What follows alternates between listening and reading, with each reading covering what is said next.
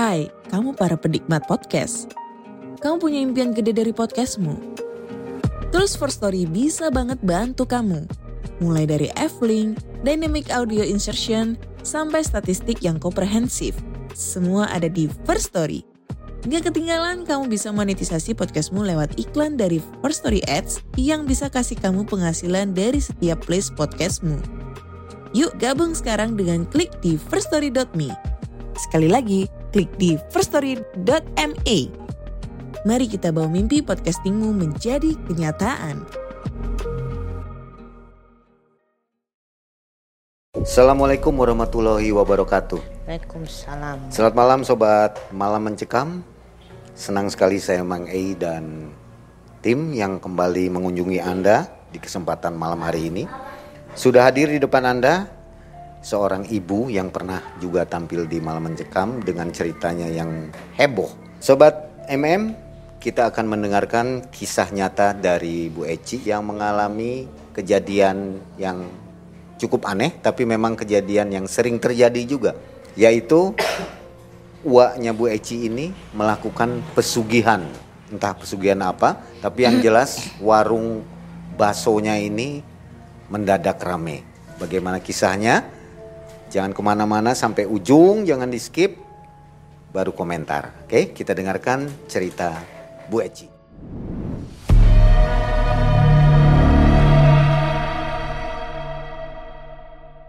Ceritanya tahun 2001 saya tuh udah kerja di satu perusahaan di Kabupaten Bandung. Kebetulan saya juga punya sahabat namanya Reni. Sahabat ini udah dari udah lama udah sekitar dari kuliah saya udah kenal ke dia ini anak indigo. Nah, anak indigo ini dia juga selain indigo dari kecil punya turunan apa ya eh, dari kakeknya dia bisa lihat mas sosok-sosok gaib dan akinya atau kakeknya itu juga kakeknya Reni punya pesantren di daerah Cirebon. Terus dia itu eh, deketnya cuma nama saya aja karena sama apa sih teman-teman yang lain kayak di apa ya namanya di bedain ya karena dia kadang suka suka cerita sendiri, kadang suka ngobrol sendiri. Kalau saya sih ya emang ngerti lah dunia dunia kita kan ada dua dunia dunia yang lain sama dunia kita yang ini. Nah suatu hari saya itu pulang kerja kebetulan waktu itu saya udah baru gajian saya nelpon ke Reni. Kan zaman 2001 belum ada HP banyak ya jadi masih pakai telepon rumah.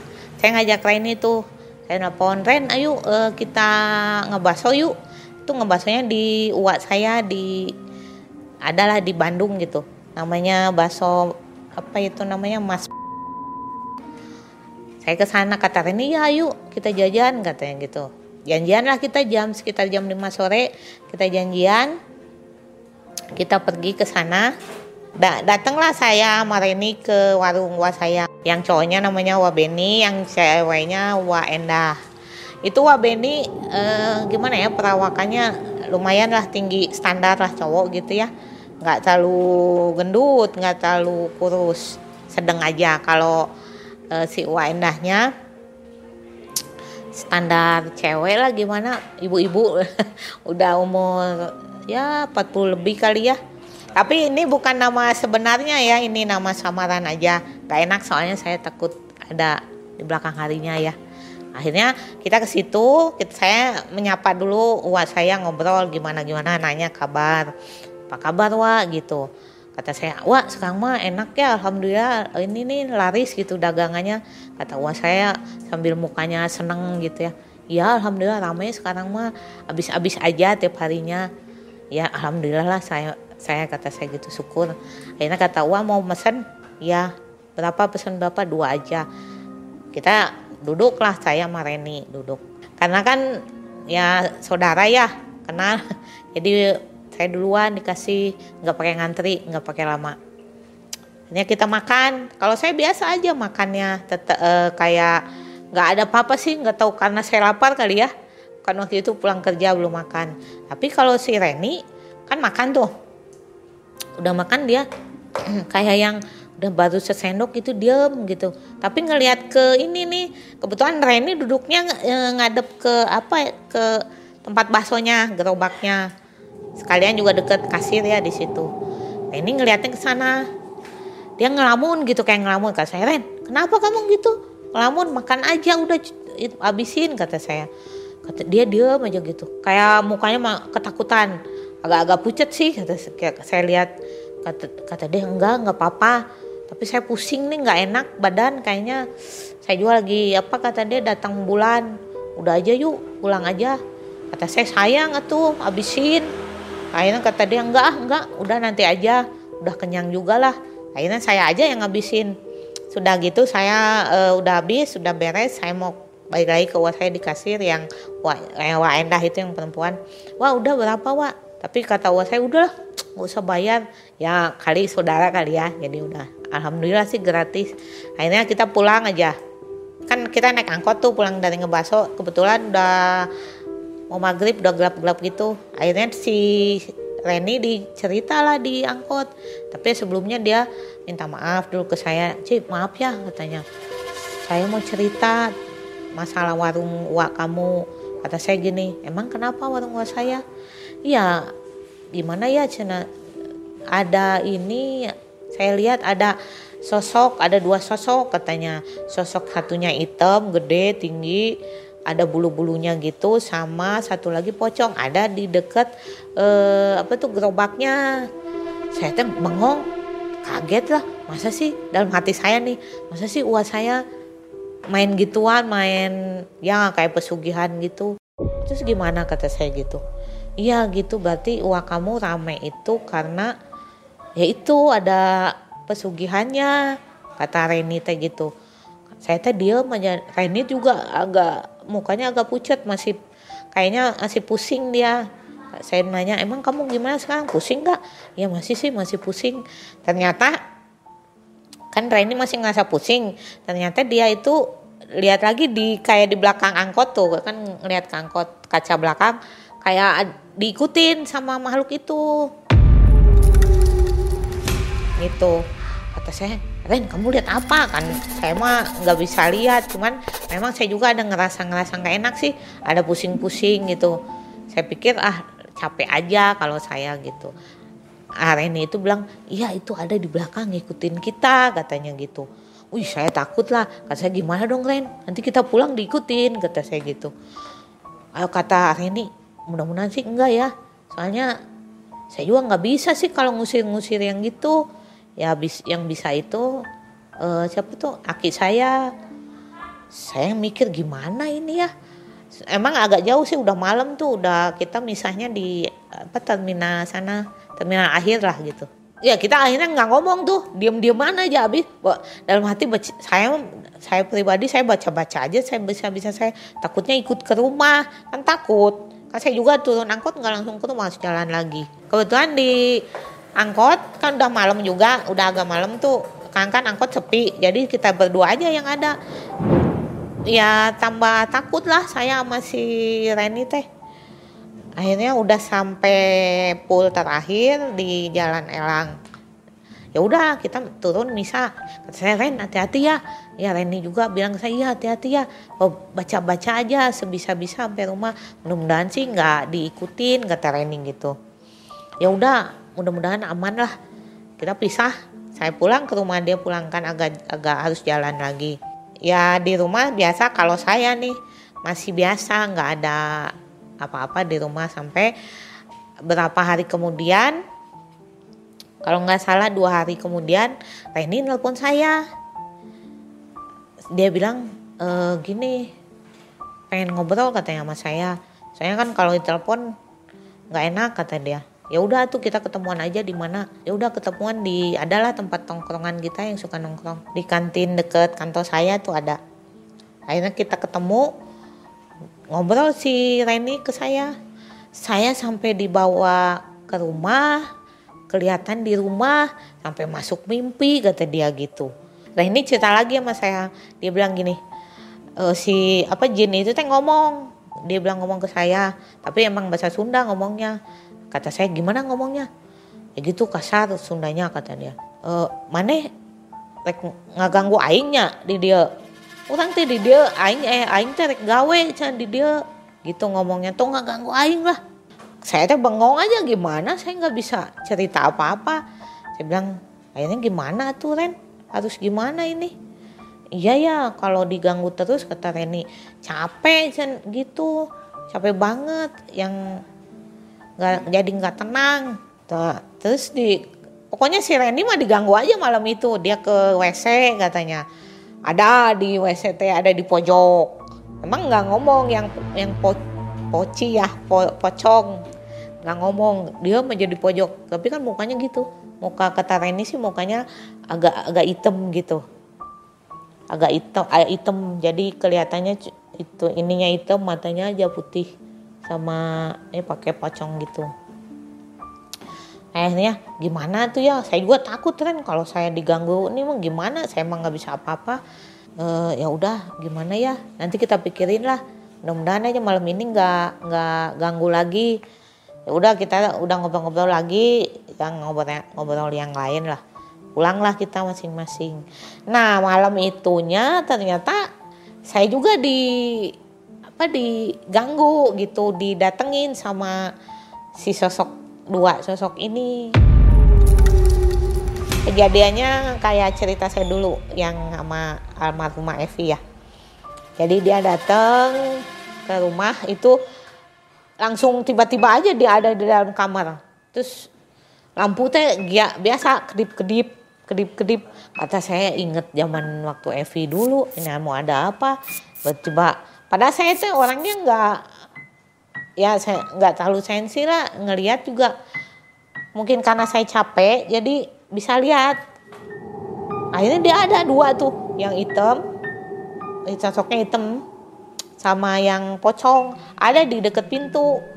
Tapi emang ke saya sih nggak ngomong apa-apa nggak nggak kayak ngomong ke Evi gitu nggak cuma kan saya takut tetap aja udah malam udah jam 12 malam kan takut. Akhirnya saya tutup selimut aja gitu sambil baca-baca surat yang saya tahu.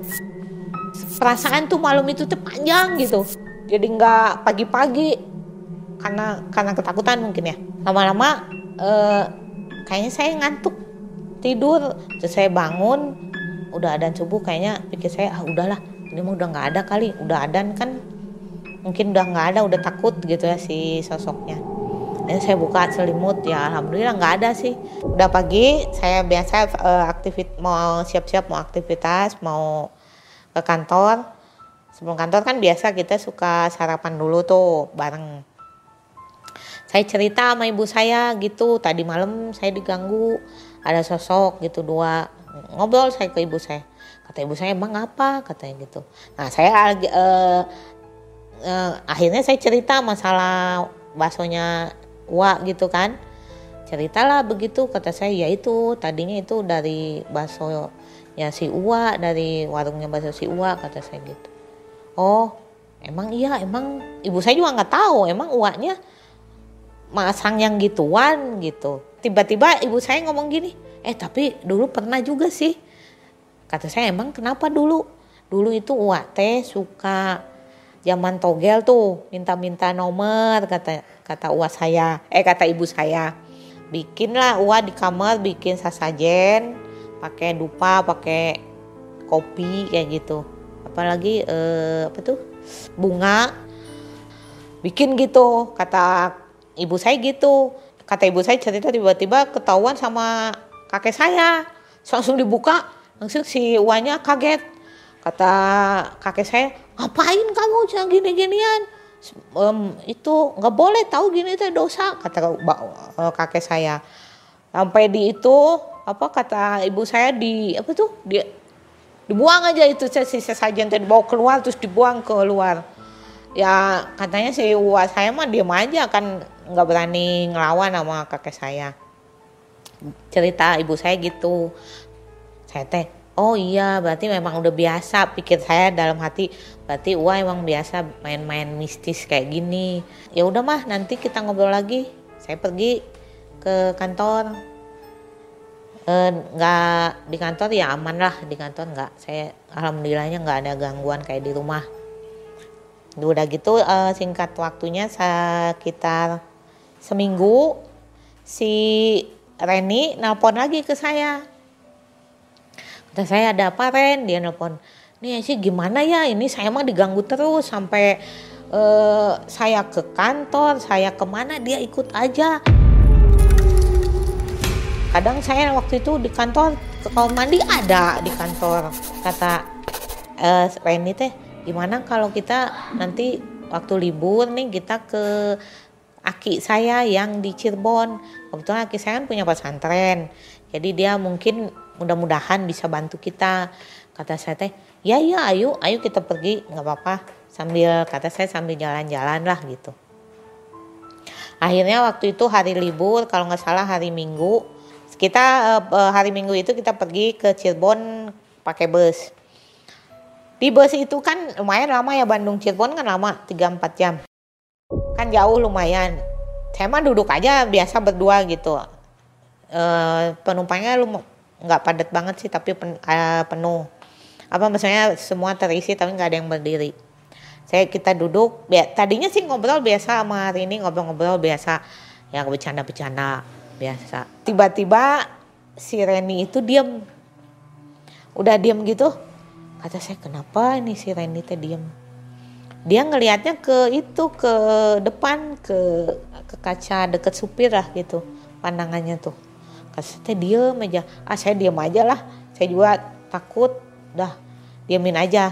Nggak lama tapi dia si Raini tuh mukanya kayak yang muka cemas muka takut. Ada ada 10 menit sama saya di eh Ren kamu kenapa? kata saya. Gitu. Mas saya dipegang pundaknya. Kata dia dia baru ngelihat ke saya. Itu tadi saya ini katanya lihat sosok itu yang dua. Ada tuh di depan di mau pas pintu mau masuk tuh kan ada pintu masuk. Dia di situ aja berdua. Emang nggak ngomong sih. Yang ngomongnya saya ngomong sama dia secara batin. Terus kata saya dia ngomong apa? kata saya. Dia ngomong aing mah bung diusir gitu. Aing mah betah jeung majikan nu ayeuna nama gitu ngomongnya teh. Tapi kata saya saya nggak ngomong apa-apa saya diem. Benernya saya takut kata Reninya gitu. Kata saya ya udah kita baca-baca aja lah di jalan. Kalau enggak tidur aja tidur biasa tahu-tahu sampai ke sana ke Cirebon kata saya. Kata Reni iya ya oh udah aja lah baca-baca. Akhirnya kita baca-baca tapi uh, kata Reni di dia lihat ke samping ke luar gitu ke jendela luar dia bilang tuh ada lagi katanya gitu. Kayak ada di pinggir jalan gitu dia si yang dua sosok itu teh e, apa nge, ngelihat ke ke bus kita. Gitu katanya gitu. Tapi nggak ngomong sih kata Reninya. Duh gimana ya kata Reni teh? Bingung ini teh gimana harus gimana kata dia teh? Kata saya udah baca-baca aja. Bismillah mudah-mudahan sampai ke Cirebon uh, kita aman nggak ada diganggu-ganggu lagi udah gitu kan e, kalau ke Cirebon itu biasanya nggak langsung ke Cirebon. E, jadi ada kayak pool rumah makan kita bisa istirahat mau ke kamar mandi apa gimana. Nah itu berhenti tuh di situ. Saya sama Reni turun saya mau ke kamar mandi Reni juga mau ke kamar mandi. Kan kamar mandinya banyak tuh. Saya di sini Reni di sini jadi masing-masing. Kalau saya udah udah masuk biasa aja gitu buang air tapi tiba-tiba pas saya udah beres saya udah keluar Reni kok belum keluar? Dia langsung teriak. Terus saya dengar Reni teriak astagfirullahaladzim kata saya. Ini ada apa? Saya ketuk-ketuk ada apa? Ayo buka-buka kata saya gitu. Ah, buka lah panik. Saya takutnya dia pingsan apa gimana ya? Akhirnya dia buka pintu. Dia buka pintu dia mukanya udah pucet. Oh pucet tuh uh, takut gitu. Ada apa Ren? Itu jenazah itu teh si dua sosok itu ikutin aja ada tuh di kamar mandi lagi di pojokan dia mah yang ngeliatin. Saya tanya ya udah yuk yuk udah udah keluar aja. Akhirnya kita ke kantinnya kan ada apa warungnya gitu. Dari situ uh, kita beli minum dulu biar tenang. Beli minum duduk ada ada tempat duduk. Duduk minum dulu biar tenang sambil nenangin sambil baca baca, baca emang nggak ngikutin sih kata Reni. Enggak nggak ngikutin ke sini. Akhirnya dia uh, kita minum uh, udah kan nggak nggak lama ya berhenti di situ paling ada 15 menit kali. Udah beres kita naik lagi lah ke ke bus. Kan bus yang tempat kita itu kan kosong kosong kan karena belum naik semua Ternyata kata Reni, ya Allah, astagfirullah Reni itu sambil jalan. Apa Ren? Kata saya, itu lagi duduk di kursi yang belakang kita. Lagi duduk kayak duaan katanya gitu. Kan karena belum naik itu si penumpang yang belakang. Astagfirullah kata Reni gitu. Saya juga ikut kaget. Reni, apa Ren? Kata saya, iya itu duduk di situ gimana ya? Ah udah aja baca-baca habis mau duduk di mana lagi kata saya gitu. Kata saya gitu. Akhirnya ya duduk aja. Akhirnya yang punya tempat duduk juga datang jadi pas itu hilang si sosoknya. Nggak ada. Uh, udah jalan lagi. Si mobil bus jalan lagi. Sekitar satu setengah jam hmm, apa dua jam nyampe lah ke ke itu dulu ke terminal. Saya tuh kita turun lah di terminal. Dari terminal kan naik angkot lagi tuh. Dari terminal ke pesantren kakeknya Reni uh, udah gitu naik kita ke jurusan itulah. Naik ke sana. Nah udah nyampe pesantren kan saya baru pertama kali tuh ke pesantrennya kakinya Reni. Kali saya bagus ya gede emang pesantrennya. Dilihat uh, apa banyak santri-santrinya banyak. Katanya sih ya di situ udah terkenal lah di daerah Cirebon pesantren itu teh.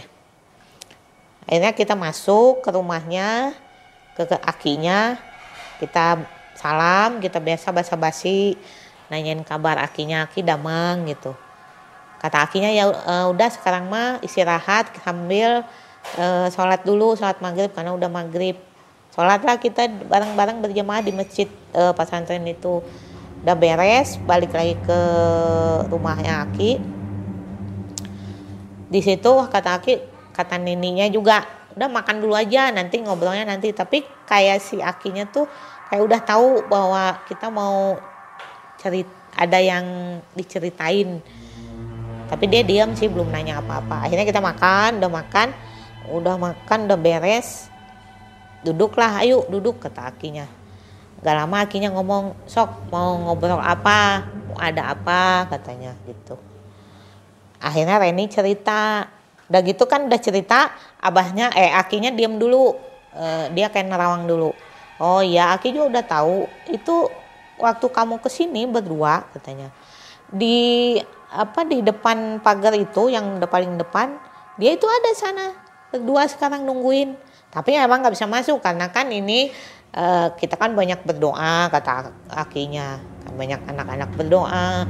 Jadi emang uh, udah ada pagar apa namanya pagar gaib lah kata akinya gitu ke Reni ngomongnya oh Reni diam oh, terus gimana tuh Ki? Harus gimana? Ngikutin terus kan kitanya jadi apa ya jadi takut jadi aktivitas juga terganggu. Ya bisalah nanti Aki bantuin biar biar apa ya di kata Akinya di diusir aja. Kan itu juga emang sifatnya nggak baik pakai pakai pesugihan gitu kata Akinya. Akinya nanya ke saya eh Eci nggak apa-apa kalau uangnya dibersihin jadi biar dagangnya juga dagang normal nggak pakai kayak gini yang halal gitu. Kata akinya kata saya ya nggak apa-apa ki. Nggak apa-apa biar wak saya juga eh, sadar lah bahwa pakai-pakai gitu tuh nggak bagus. Oh ya kata aki gitu udah. Akhirnya kata aki ya udah nanti eh, aki bantu. Sekarang mah udah malam tidur aja dulu insya Allah aman di sini mah nggak ada yang ganggu ganggu akinya bilang kayak begitu. Akhirnya kita tidur lah di, uh, ditunjukin kamarnya. Alhamdulillah tidur uh, normal nggak ada gangguan sampai adzan subuh. Biasa aktivitas sholat kayak seperti biasa mandi sholat. Udah udah beres. Saya kan mau pulang lagi tuh sama Reni tapi ngobrol lagi sama Aki jadi gimana Ki sebenarnya itu apa? Kata saya gitu. Terus Aki ngejelasin sebenarnya ini sebangsa pesugihan. Nah ini pesugihan ini teh eh, si barangnya ini yang Aki lihat itu ada di tutup panci di apa ya ditaliin. Kan biasanya ada tukang bakso tuh pakai tutupnya suka di pakai apa lap ya biar nggak panas maksudnya biar ngebuka ya nggak panas. Nah itu di dalam itu tuh di situ barangnya disimpan kata Aki. Cuman Aki belum bilang barangnya apa. Oh kan saya ya jadi di situ. Jadi dia si makhluk itu ada aja di situ pastinya. Mm-mm. saya bilang ya udah apa apa ki. Kalau memang itu yang terbaik buat semuanya ya udah aki bersihin aja. Saya bilang begitu akhirnya iya insya Allah ya nanti aki bantuin. Akhirnya ya udah kita sekitar jam 11 ma- siang kita pulang lagi ke Bandung. Naik bus lagi. Tapi ya di bus juga ya sebenarnya masih ada sih si Reni mah suka lihat aja. Di kata dia tuh ada tuh di depan di depan deket supir ada ngikutin wae kata dia. Padahal waktu di dalam pesantren mah aman ya. Karena mungkin ditahan sama Aki itu dengan doa-doa dengan dipagerin. Tapi ya kita mau gimana ya udahlah kita pulang aja dengan Bismillah dengan baca-baca yang kita bisa. Kita pulang ke rumah Alhamdulillah sampai rumah selamat masing-masing udah pulang ke rumah. Setelah itu kita pulang udah beres pulang nggak ada apa-apa. Besok sekitar dua hari saya penasaran nih pulang kerja ah pengen ke sana ah, pengen ngecek. Maksudnya bener nggak nih yang si Aki bilang? Katanya ada kayak barang yang ditutupnya itu. Akhirnya saya ke sana tapi sendiri nggak sama Reni. Sendiri saya ke sana. Datang ke sana turun dari angkot. Wih masih ramai aja tuh bakso. Saya nggak mau makan tuh. Saya pura-pura aja ngobrol sama Wa. Kan Wanya ngelad, ngeladang, ngeladangan yang yang beli saya ngobrol sama ininya sama yang istri si Wa Wa Endah. Wa gimana Wa? Rame nggak bakso? Alhamdulillah katanya. Rame sekarang mah tiap bikin teh habis aja. Emang berapa tiap bikin? Sambil saya lihat-lihat itu tuh ngelihat ketutup si panci. Tapi memang sih saya lihat ada kayak buntelan eh, kain putih. Tapi memang nggak kelihatan kayak tali apa gitu kayak serbet aja yang di apa tuh yang di yang di bulan apa bulan ya bahasa Indonesia di lilitkan ya. Jadi biar pas nanti dia ngangkat itu, itu tutup panci nggak nggak panas. Orang pasti ngelihatnya gitu. Saya udah ngobrol-ngobrol gitu kata saya teh oh alhamdulillah ya rame. Gitu saya bilang.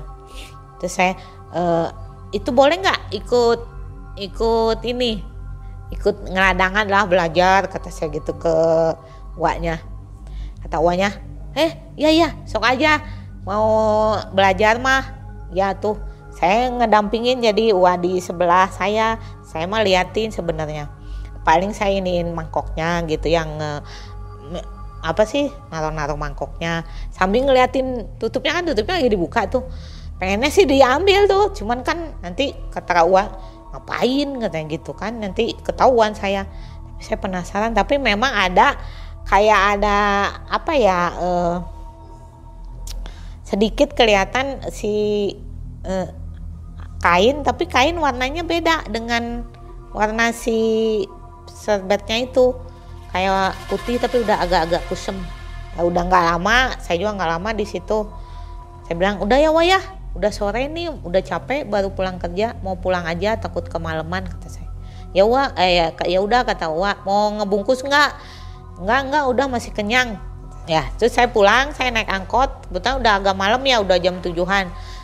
Kebetulan eh, saya ini saya cerita dulu ini angkot ini eh, jurusannya dari warungnya wah saya itu kalau mau ke terminalnya lewat ke kuburan. Namanya ku- kuburannya itu kuburan gede di Bandung. Cuman jam segitu ya udah sepi. Zaman tahun 2001 sih udah sepi nggak jarang yang lewat. Itu di depan kan keluar apa di depan pintu makamnya itu saya lihat ada yang saya biasanya nggak pernah lihat langsung ya. Ada pocong mukanya hitam. Ada pocong mukanya hitam. Diri aja di situ. Sa- sambil ngeliatin saya gitu. Kan kebetulan saya di angkotnya cuma ada duaan. Kalau udah malam. Saya saya kaget tapi saya lihat ke, te- yang satu tapi dia kayaknya nggak lihat tuh. Saya kaget wah berarti saya doang yang lihat. Kalau dia lihat pasti dia teriak ya gitu. Tapi nggak mau teriak. Cuman dalam hati astagfirullahaladzim itu berarti bener ada pocong yang lagi lihat lagi menampakkan diri. Untungnya si angkotnya nggak berhenti di depannya. Terus terus aja dia jalan. Alhamdulillahnya si pocongnya nggak nggak ngikutin. Akhirnya saya ya udah nantilah. Besok besok saya nanyain Reni mudah-mudahan udah ada kabar gitu dari akinya. Ya udah uh, pulanglah saya sampai rumah. Pulang biasa. Uh, alhamdulillah nggak ada gangguan apa-apa. Dua hari selanjutnya si Randy nelpon ke saya. Kata dia e, Ci pengen ketemu dong. Ada apa? kata saya. E, iya ini mau cerita itu masalah yang itu tuh yang di aki teh kata dia. Oh iya iya. Nanti aku pulang kerja kata saya. Biasa ya di kantin aja di kantin deket kantor. Iya iya. Nah pulang kerja kan jam 3 jam 4 tuh ketemuan kita di situ. Nah si Reni itu nyeritain uh, si akinya nelpon katanya gini e, Ren ini memang benar si Wa ini pakai pesugihan yang Aki lihat itu pesugihannya yaitu tali pocong sama ada model genderuwo gitu ya. Ada Reni. Terus gimana Aki? E, ya emang berat sih nggak nggak langsung ngusir si makhluknya itu nggak mau nggak mau pergi. Jadi apa sih? Berantem dulu lah kasarnya kata Akinya gitu. Perang sama Aki? Gimana lah nggak tahu kata e, akhirnya si makhluknya udah. Kayaknya makhluk itu uh, apa ya kalau kita mah laporan ke dukunnya kata akinya ternyata dukunnya tahu bahwa yang uh, apa mengusir si makhluk-makhluk dia itu aki.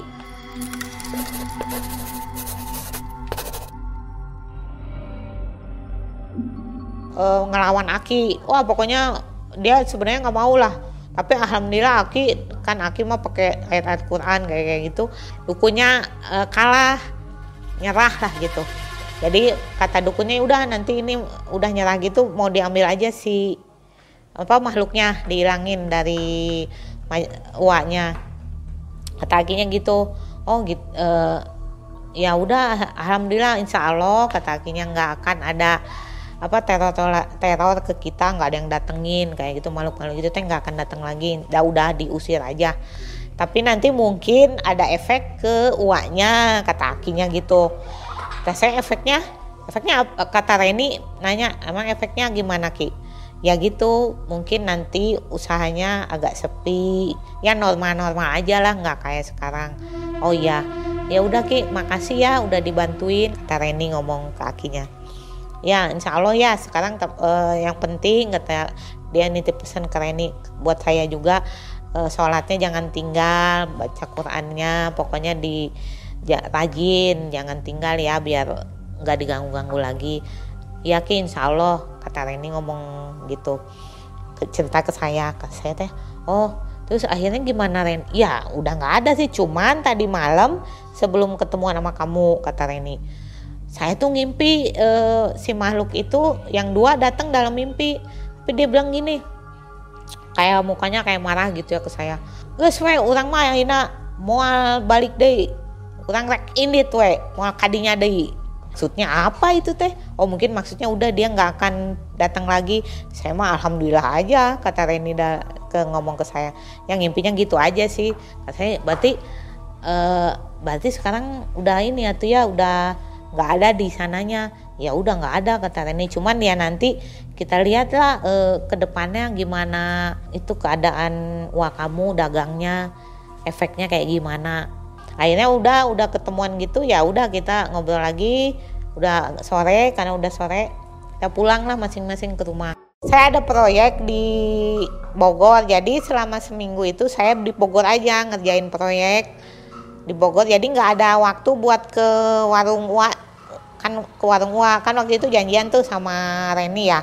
Tapi saya belum ada waktu. Reni juga mungkin belum ada waktu karena dia juga belum ngehubungin saya lagi. Sudah saya seminggu di sana udah beres pulanglah saya lagi ke Bandung. Udah sampai Bandung udah istirahat besoknya baru saya nelpon lagi Reni. E, Ren ayo mau nggak ke warung Watea biar kita ngecek gimana keadaan si Iwa sekarang kata Reni iya iya ayo ayo tuh nanti sore ya kita ke sana katanya. Ya oke oke. Akhirnya kita ketemuan lah akhir di langsung aja di dep, depan warung warungnya si Uwa. Itu pas turun ya pas turun dari angkot saya lihat warungnya tuh apa ya warung masih ada masih jualan tapi sepi emang nggak kayak waktu itu kan sampai ngantri sampai pakai nomor gitu ya. Ini cuman adalah yang belanja satu dua yang makan di situ juga satu dua. Saya lihat kesian lihat si uanya mukanya tuh jadi apa jadi murung, murung gitu stres kayaknya ngelihat ini warung sepi kayak gitu. Tapi saya ya sama Reni ya pura-pura wah gimana kabarnya? Ya gini aja lah kata dia bilang ya sepi sekarang mah nggak tahu ya kenapa. Saya teh gini aja bilangnya ya wah sabar aja lah mungkin lagi sepi. Saya bilang begitu.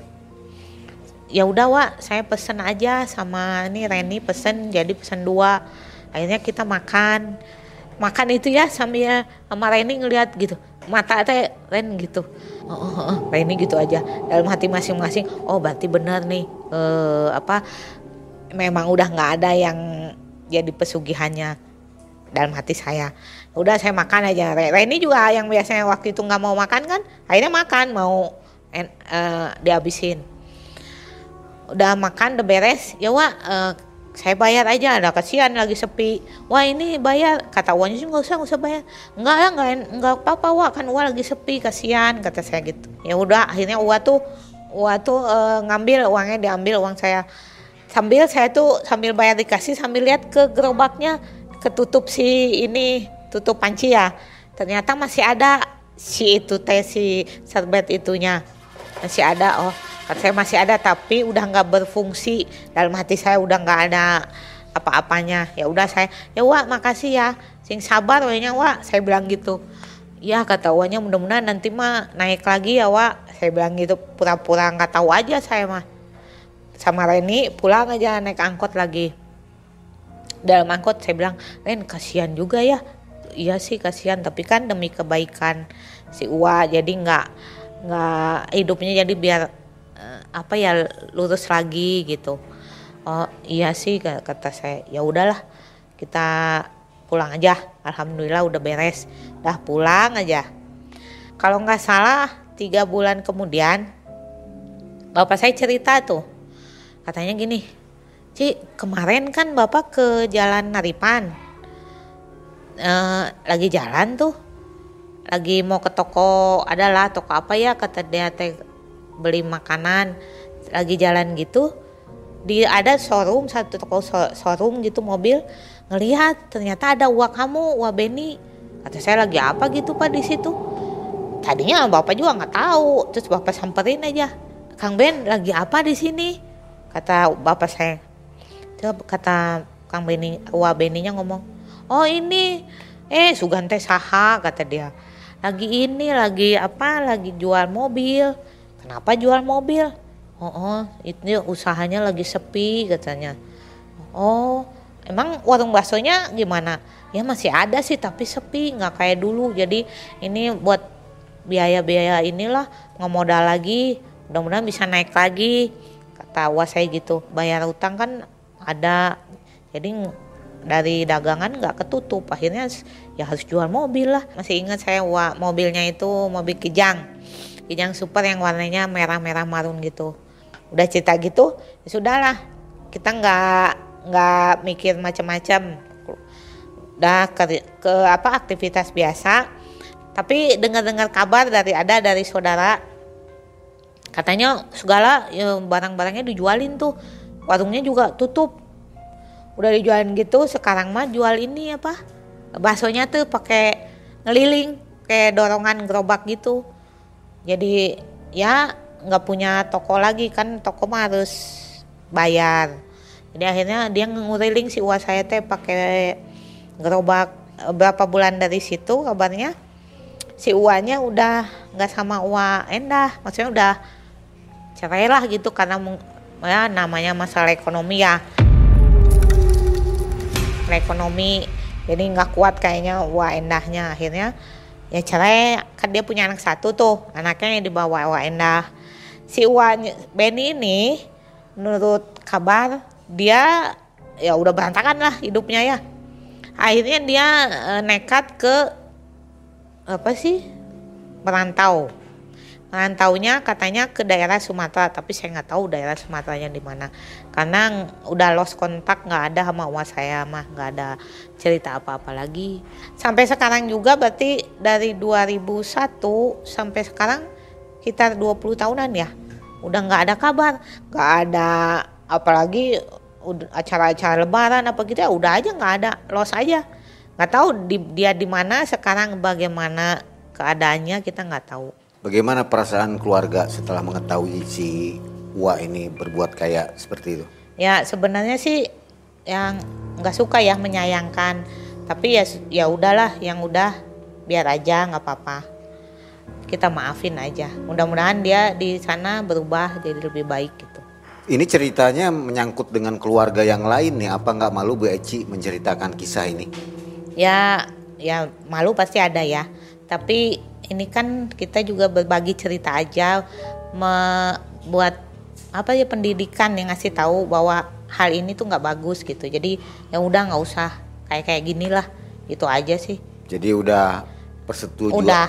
Kita sudah persetujuan keluarga yang ya, lain kita juga ya? udah. Ya? sebelumnya saya udah cerita dulu udah minta izin sama akan keluarga. ada masalah ya, ya? insya Allah. Bagaimana kalau si Wa nonton? Nggak masalah? Nggak apa-apa. Malahan bagus. Jadi misalnya ini dia nonton ya uangnya nonton malam mencekam kita keluarga mintanya udah aja pulang lagi ke Bandung kumpul lagi yang udah udah aja. Kita perbaiki nggak usah diinget-inget lagi. Kita udah lup, udah memaafkan dah kita biar kumpul lagi aja gitu. Masih dagang si Iwa dagang bakso? Udah nggak ada. Udah nggak ya? Mungkin sekarang mau coba lagi dagang bakso dengan jujur. Ya mudah-mudahan kalau dia balik lagi kita bantulah insya Allah oke makasih Bu Eci atas kisah nyatanya yang sangat menarik dan menginspirasi untuk kita menjadikan info yang baik ya, untuk kita semua ya bahwa sama -sama. jangan melakukan hal-hal bodoh seperti ini ya. apalagi zaman sekarang ini musimnya orang dibodohi ya, ya. oleh maaf oleh dukun-dukun yang ya. tidak bertanggung jawab sekali lagi terima kasih Bu Eci saya Mang dan tim undur diri. Assalamualaikum warahmatullahi wabarakatuh. Waalaikumsalam warahmatullahi wabarakatuh.